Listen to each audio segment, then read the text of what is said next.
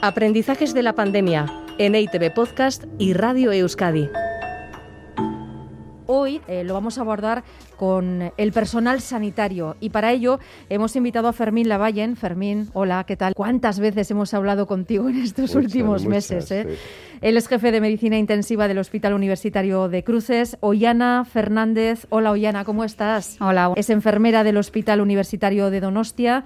Así que con Fermín y con Ollana vamos a hablar de, de todo esto en primera persona del plural.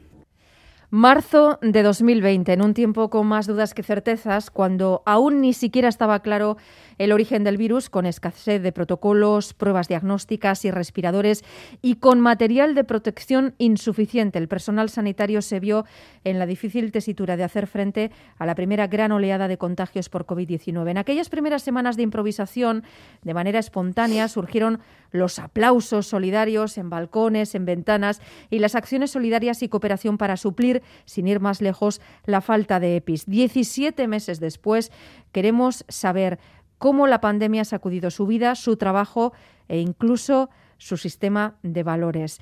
Fermín Lavallen, ¿te ha, sacudido la pandemia? Mm, de una forma global, sí. Porque ha sido eh, un entorno de salud que no preveíamos.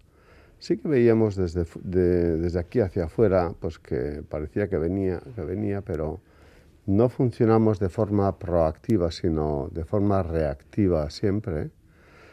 Eh, nos llegó como un tsunami eh, potentísimo con muchísima inseguridad a la hora de enfrentarnos, con escasez de, entorno sanitario preparado, porque fue una, una oleada brutal la que nos llegó, con mucha inseguridad personal, inseguridad de entorno familiar y hemos tenido que llevar a un proceso de reorganización eh, mm, estructural y de gestión interna a nivel de servicios y de hospitales de coordinación interhospitalaria que no era tan profunda, de readecuación de sistema de trabajo multidisciplinar y multiservicios en los hospitales, de secuenciación de valores globales de priorización de salud a nivel de asistencia sanitaria, de auto de solicitud y de, y de prestación de ayuda interna dentro de los servicios, de cambio de valores individuales, muchas cosas. Yo creo que ha sido un revolcón interno global a nivel personal, a nivel de grupo de trabajo, a nivel hospitalario y yo creo sobre todo social, ¿no? Con una, un susto inicial eh, impresionante, y al final con una respuesta social global digna de admiración. A, pesar, a pesar de lo que decimos, ¿verdad? A pesar de todo, sí. Eh, Ollana, eh, ¿cómo has cambiado tú en todos estos meses? ¿Qué Ollana eh, o qué es diferente en la Ollana de hoy a la Ollana de hace 17 meses? Bueno, yo supongo que en lo básico sigo siendo la misma Ollana, eh, pero sí que es verdad que he pasado durante estos 17 meses por diferentes estados.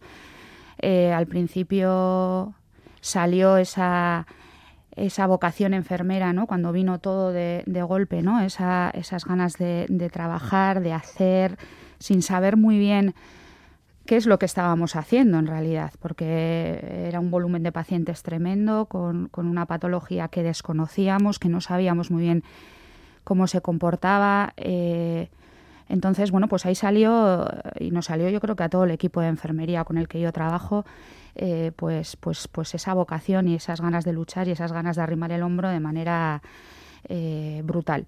Y es verdad que a lo largo de los 17 meses hemos pasado también por momentos en los que estábamos muy cansados y, y desesperanzados, ¿no?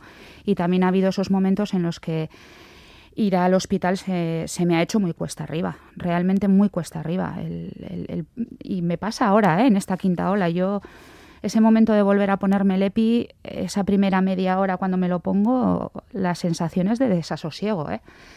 Entonces, bueno, pues he pasado por, por, muchas, por, muchas, por muchos estados de ánimo, pero en esencia sigo siendo, sigo siendo la misma Viana, creo. Os tocó ser muy, muy fuertes en el momento más crítico eh, digo más crítico no porque eh, haya sido el más crítico, porque momentos críticos ha habido muchos, pero sí por lo menos en el que había más incertidumbre, en el que menos se sabía ¿no? sobre lo que estaba sucediendo y eso era muy difícil para vosotros. Eh, había escasez de recursos, no había equipos de protección, no sabíamos realmente a lo que nos estábamos enfrentando.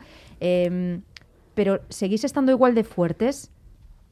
Pues yo diría que no. Yo diría que no. Eh, hacemos eh, nuestro trabajo porque yo creo que es lo que más eh, amamos en el, en el, mundo, y por lo menos yo así lo vivo, pero la fortaleza no es la misma que al principio.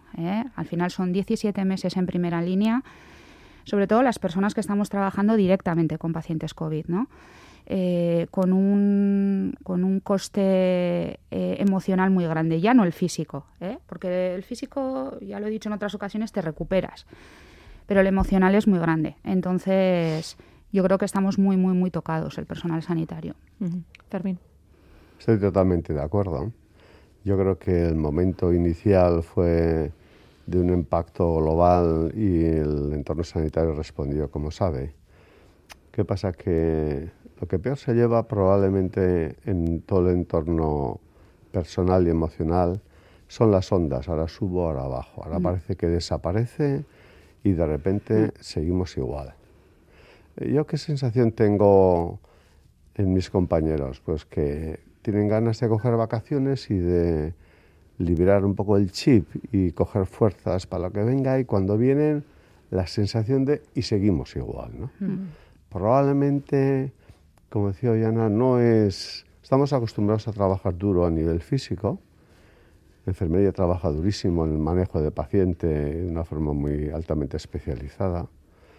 El problema es el desgaste psicológico y emocional personal. ¿no? no tanto en cuanto a la inseguridad que había al principio de si yo me voy a contagiar, si voy a transmitir a, algún familiar. Eh, seguimos igual. ¿no? Eh, sin ver del todo eh, mm, eh, una finalización global de toda la situación pandémica. Estamos acostumbrados a manejar pacientes con una estancia media en general no muy alta. La estancia media suele ser de 6, 7, 8 días y de repente se convierte en 25, 30, que muchas veces en la relación con todo lo que se ha trabajado de humanización en un entorno tan cerrado como eran las unidades de críticos y las UCIs, pues nos hemos vuelto a cerrar, hemos vuelto a, a bloquearnos a nivel de lo que es la colaboración de la familia. Relación con familias vía telefónica, muchas veces imposible el coordinarnos entre todos. Unas situaciones emocionalmente muy complejas, muy complejas, que afectan a los pacientes, obviamente, y la familia, y al profesional. ¿no? ¿Desconectáis en vacaciones? ¿Podéis desconectar?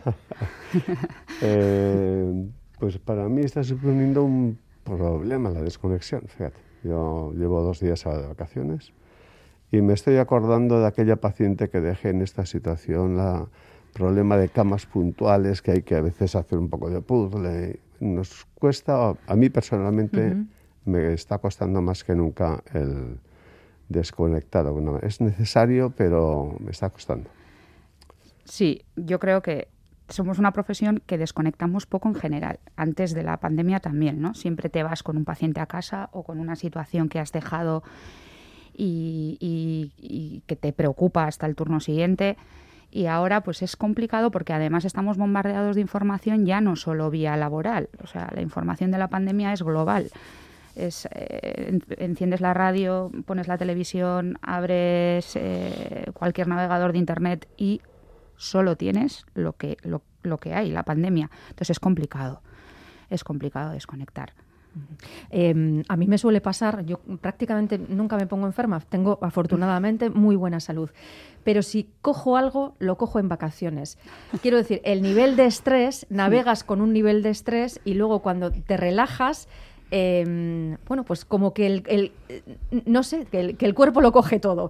Em, ¿Teméis que con el final de la pandemia o el comienzo de, lo que sea, cuando esto acabe, que espero que acabe, empecéis a ver realmente lo que ha supuesto el COVID en vuestra salud mental y física? Pues yo personalmente sí lo temo, porque curiosamente en estos 17 meses yo ha sido eh, el periodo de tiempo que menos he enfermado de toda mi vida. Eh, sí que pasé COVID cuando en, el mes de noviembre, pero de una forma leve, pero luego no he tenido ningún tipo de, de afección de otro tipo que en otras épocas he podido tener. Entonces sí que sí que pienso cuando paremos, cuando esto termine, si es que termina eh, qué pasará con nosotros, ¿no? Porque también la cabeza la llevamos a mil por hora. Entonces, el día que paremos, eh, pues no sé. Sí, sí que asusta un poco. Esto va a dejar rastro, ¿no, Fermín?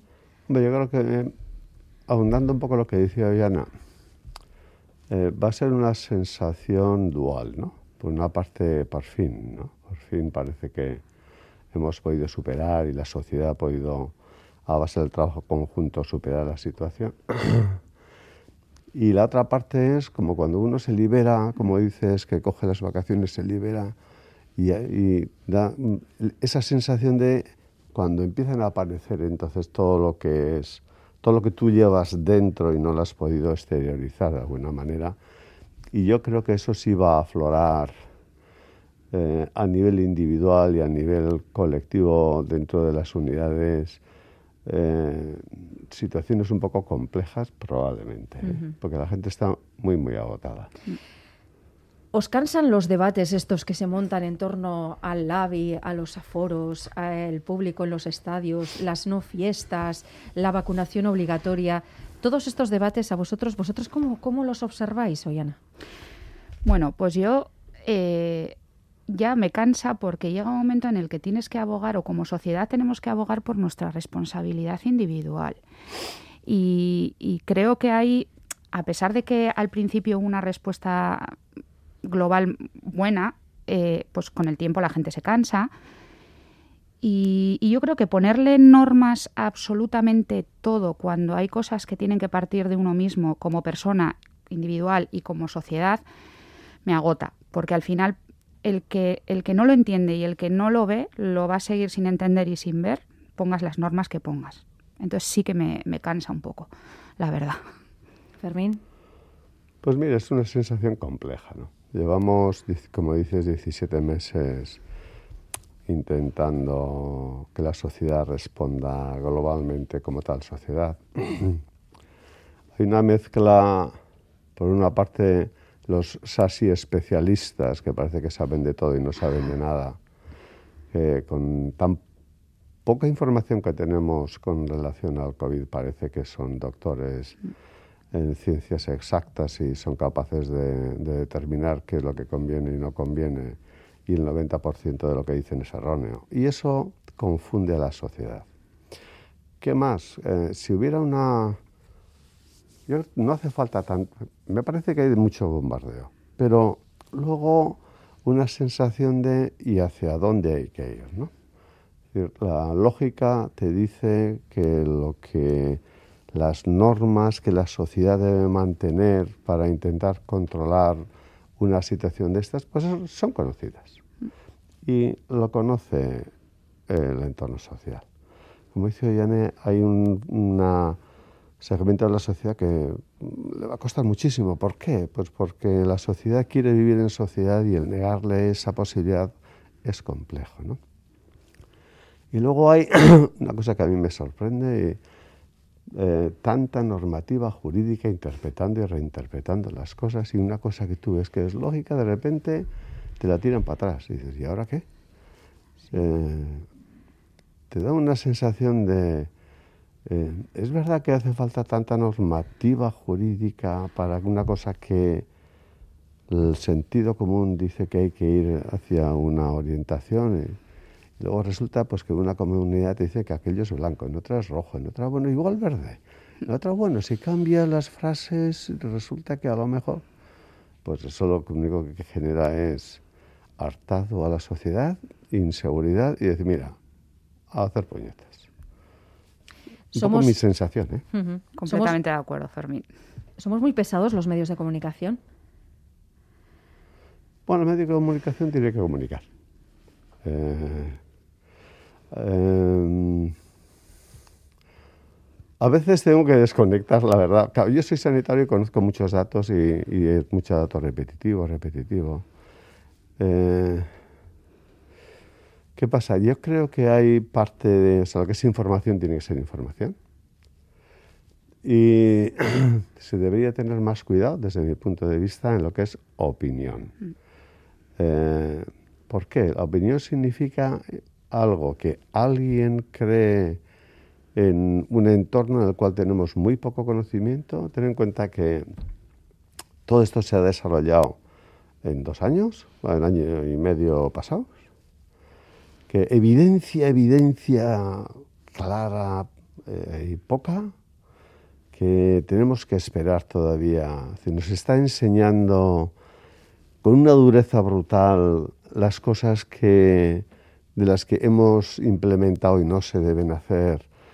Nos está enseñando todavía muchas cosas.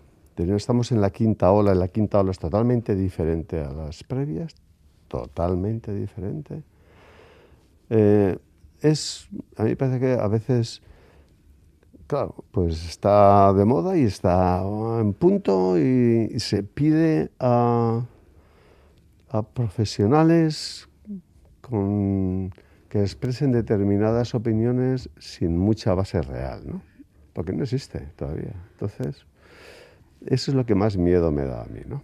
Porque de repente dices, bueno, pues vamos a forzar todo lo que son los sistemas de contención de cara al verano. Llega a Londres y dice, mira, ahora todo libre. Y la sociedad que dice se queda perpleja, absolutamente perpleja y hacia dónde vamos, ¿no?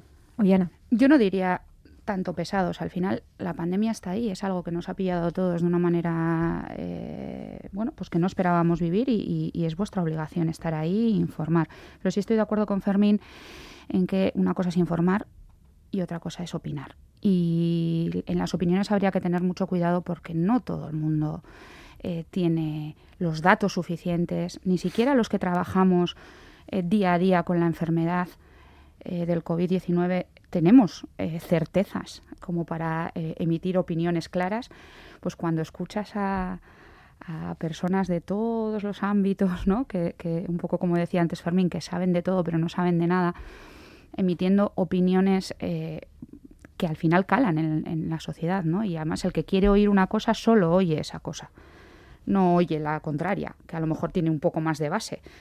Entonces sí que yo creo que hay que tener un poquito de cuidado en, ese tema. Y al final la sociedad se cansa, o sea, las personas se hartan de oír datos y datos y datos. Hemos empezado, oímos los números, las tasas de, incidencia, o sea, términos estadísticos que yo creo que eh, el, el, el, 80% de la población no entiende. Y entonces yo creo que hay que tener cuidado. Os voy a preguntar en lo personal y en lo global cosas, eh, ya casi para, cerrar. Eh, Osakideza, ya no va a ser nunca la que fue, nunca más. Esto evidentemente la ha atravesado y la ha transformado. Eh, de, lo que de lo que se ha aprendido eh, en estos últimos meses, ¿qué se tiene que quedar? ¿Qué se tiene que quedar en la forma de funcionar de, de Osakidecha, en todo, en, todo su mecanismo? Oyana. Bueno, yo quisiera hacer una diferencia entre Osakidecha como ente y entre las personas que formamos Osakidecha. Yo creo que hay una diferencia clara. Entonces yo creo que las personas que formamos Osakidecha, que somos los, los, trabajadores de Osakidecha, eh, hemos aprendido a, saber que somos un equipo fuerte de personas y, o sea, de, personal, eh, de manos de personas, que sabemos organizarnos, que sabemos trabajar en situaciones eh, críticas, que respondemos cuando, cuando la situación es grave. Y, ese es el aprendizaje que yo, que yo me llevo de las personas que trabajamos en Osakidetza. De Osakidetza como ente, bueno, pues eh, a lo mejor em, debería de bajar más hacia donde estamos las personas a la hora de tomar decisiones. Que yo entiendo que no es fácil, ¿eh? pero yo haría esa, más. Sí, haría esa clara diferenciación, bajar un poco hacia donde estamos las personas que formamos parte de Osakidecha y que llevamos el trabajo adelante y, estar un poquito más pendiente de nosotros. Ojo, que digo que es muy difícil, ¿eh? que esta situación de pandemia es difícil para todo el mundo, pero yo sí haría esa, esa diferenciación. Fermín. Bueno, yo a nivel de vamos a, a nivel de Osakidecha, creo que una cosa que sí ha aprendido, lo he implementado de una forma un poco más específica, es la interrelación y la interconexión entre las diferentes organizaciones. Hasta ahora éramos entes más bien individuales y en su momento incluso se promocionó la competitividad entre centros y demás y eso se vio que no era efectivo ni eficiente. Y lo que se ha hecho es dar un paso hacia adelante y conectarnos todos los hospitales con la situación real de lo que es infraestructura para darnos apoyo. ¿no? nosotros teníamos un grupo que conocíamos todas las mañanas a las 8 de la mañana cómo estábamos de camas, el número de ingresos, la situación de pacientes y demás. Conocíamos al final de la mañana de nuevo cómo estaba la situación para poder eh, eh, darnos soporte entre las diferentes organizaciones, fíjate, ¿eh? de competitividad a darnos soporte entre las organizaciones. Otra cosa que probablemente sí he aprendido es a nivel de, de respuesta a una situación como esta, es intentar ser algo más proactiva y menos reactiva. Es complejo, ¿eh? pero yo creo que nos ha enseñado a trabajar de una forma un poquito más proactiva. Y a nivel individual y de grupo y profesional, el saber trabajar, a nosotros, por ejemplo, a nivel de hospital nos ha cambiado mucho. Eh, llegamos a trabajar de forma... Hablas de cruces en este caso. Sí, sí, cruces, que es donde yo estoy trabajando ahora. Eh, llegamos a formar un grupo de discusión y de trabajo interno, de tal forma que nos juntábamos todos los días para ver cómo estaban los pacientes de riesgo, para ver qué situación de camas había o no, para plantear las altas y dónde se debían ir, porque dependiendo del tipo de patologías requerían un soporte u otro. Intentar asegurar de alguna manera cama libre en su momento, que fue una cosa muy compleja para cualquier paciente de riesgo. Es decir, llegamos a coordinarnos en este sentido como nunca nos hemos coordinado, con sus fallos y sus aciertos como todo, obviamente, pero a nivel interservicio en el hospital, ¿no? Tanto a nivel médico como a nivel de enfermería, de rehabilitación, de todos los servicios de soporte y coordinando determinadas áreas de soporte de pacientes, porque muchas veces un paciente que sale de una UCI salta en paracaídas a la planta. Mm. Eh, y el tipo de soporte es muy diferente. El poder organizarse dentro de en las plantas dependiendo de las necesidades de soporte de paciente, eso es una, una respuesta nueva que a mí me ha gustado y eso falta asentarse todavía, pero sí que hemos aprendido lo que es la interrelación interservicios de diferente manera. Hay profesiones que tienen crédito y hay otras que no la tienen. Eh, la de periodista diría yo que, está eh, por los suelos, pero la, del sanitario, la de la, persona que trabaja en la sanidad, siempre ha sido una profesión que tiene mucho crédito. Eh, ¿Os sentís ahora más queridos que antes, Oyana? Pues no especialmente.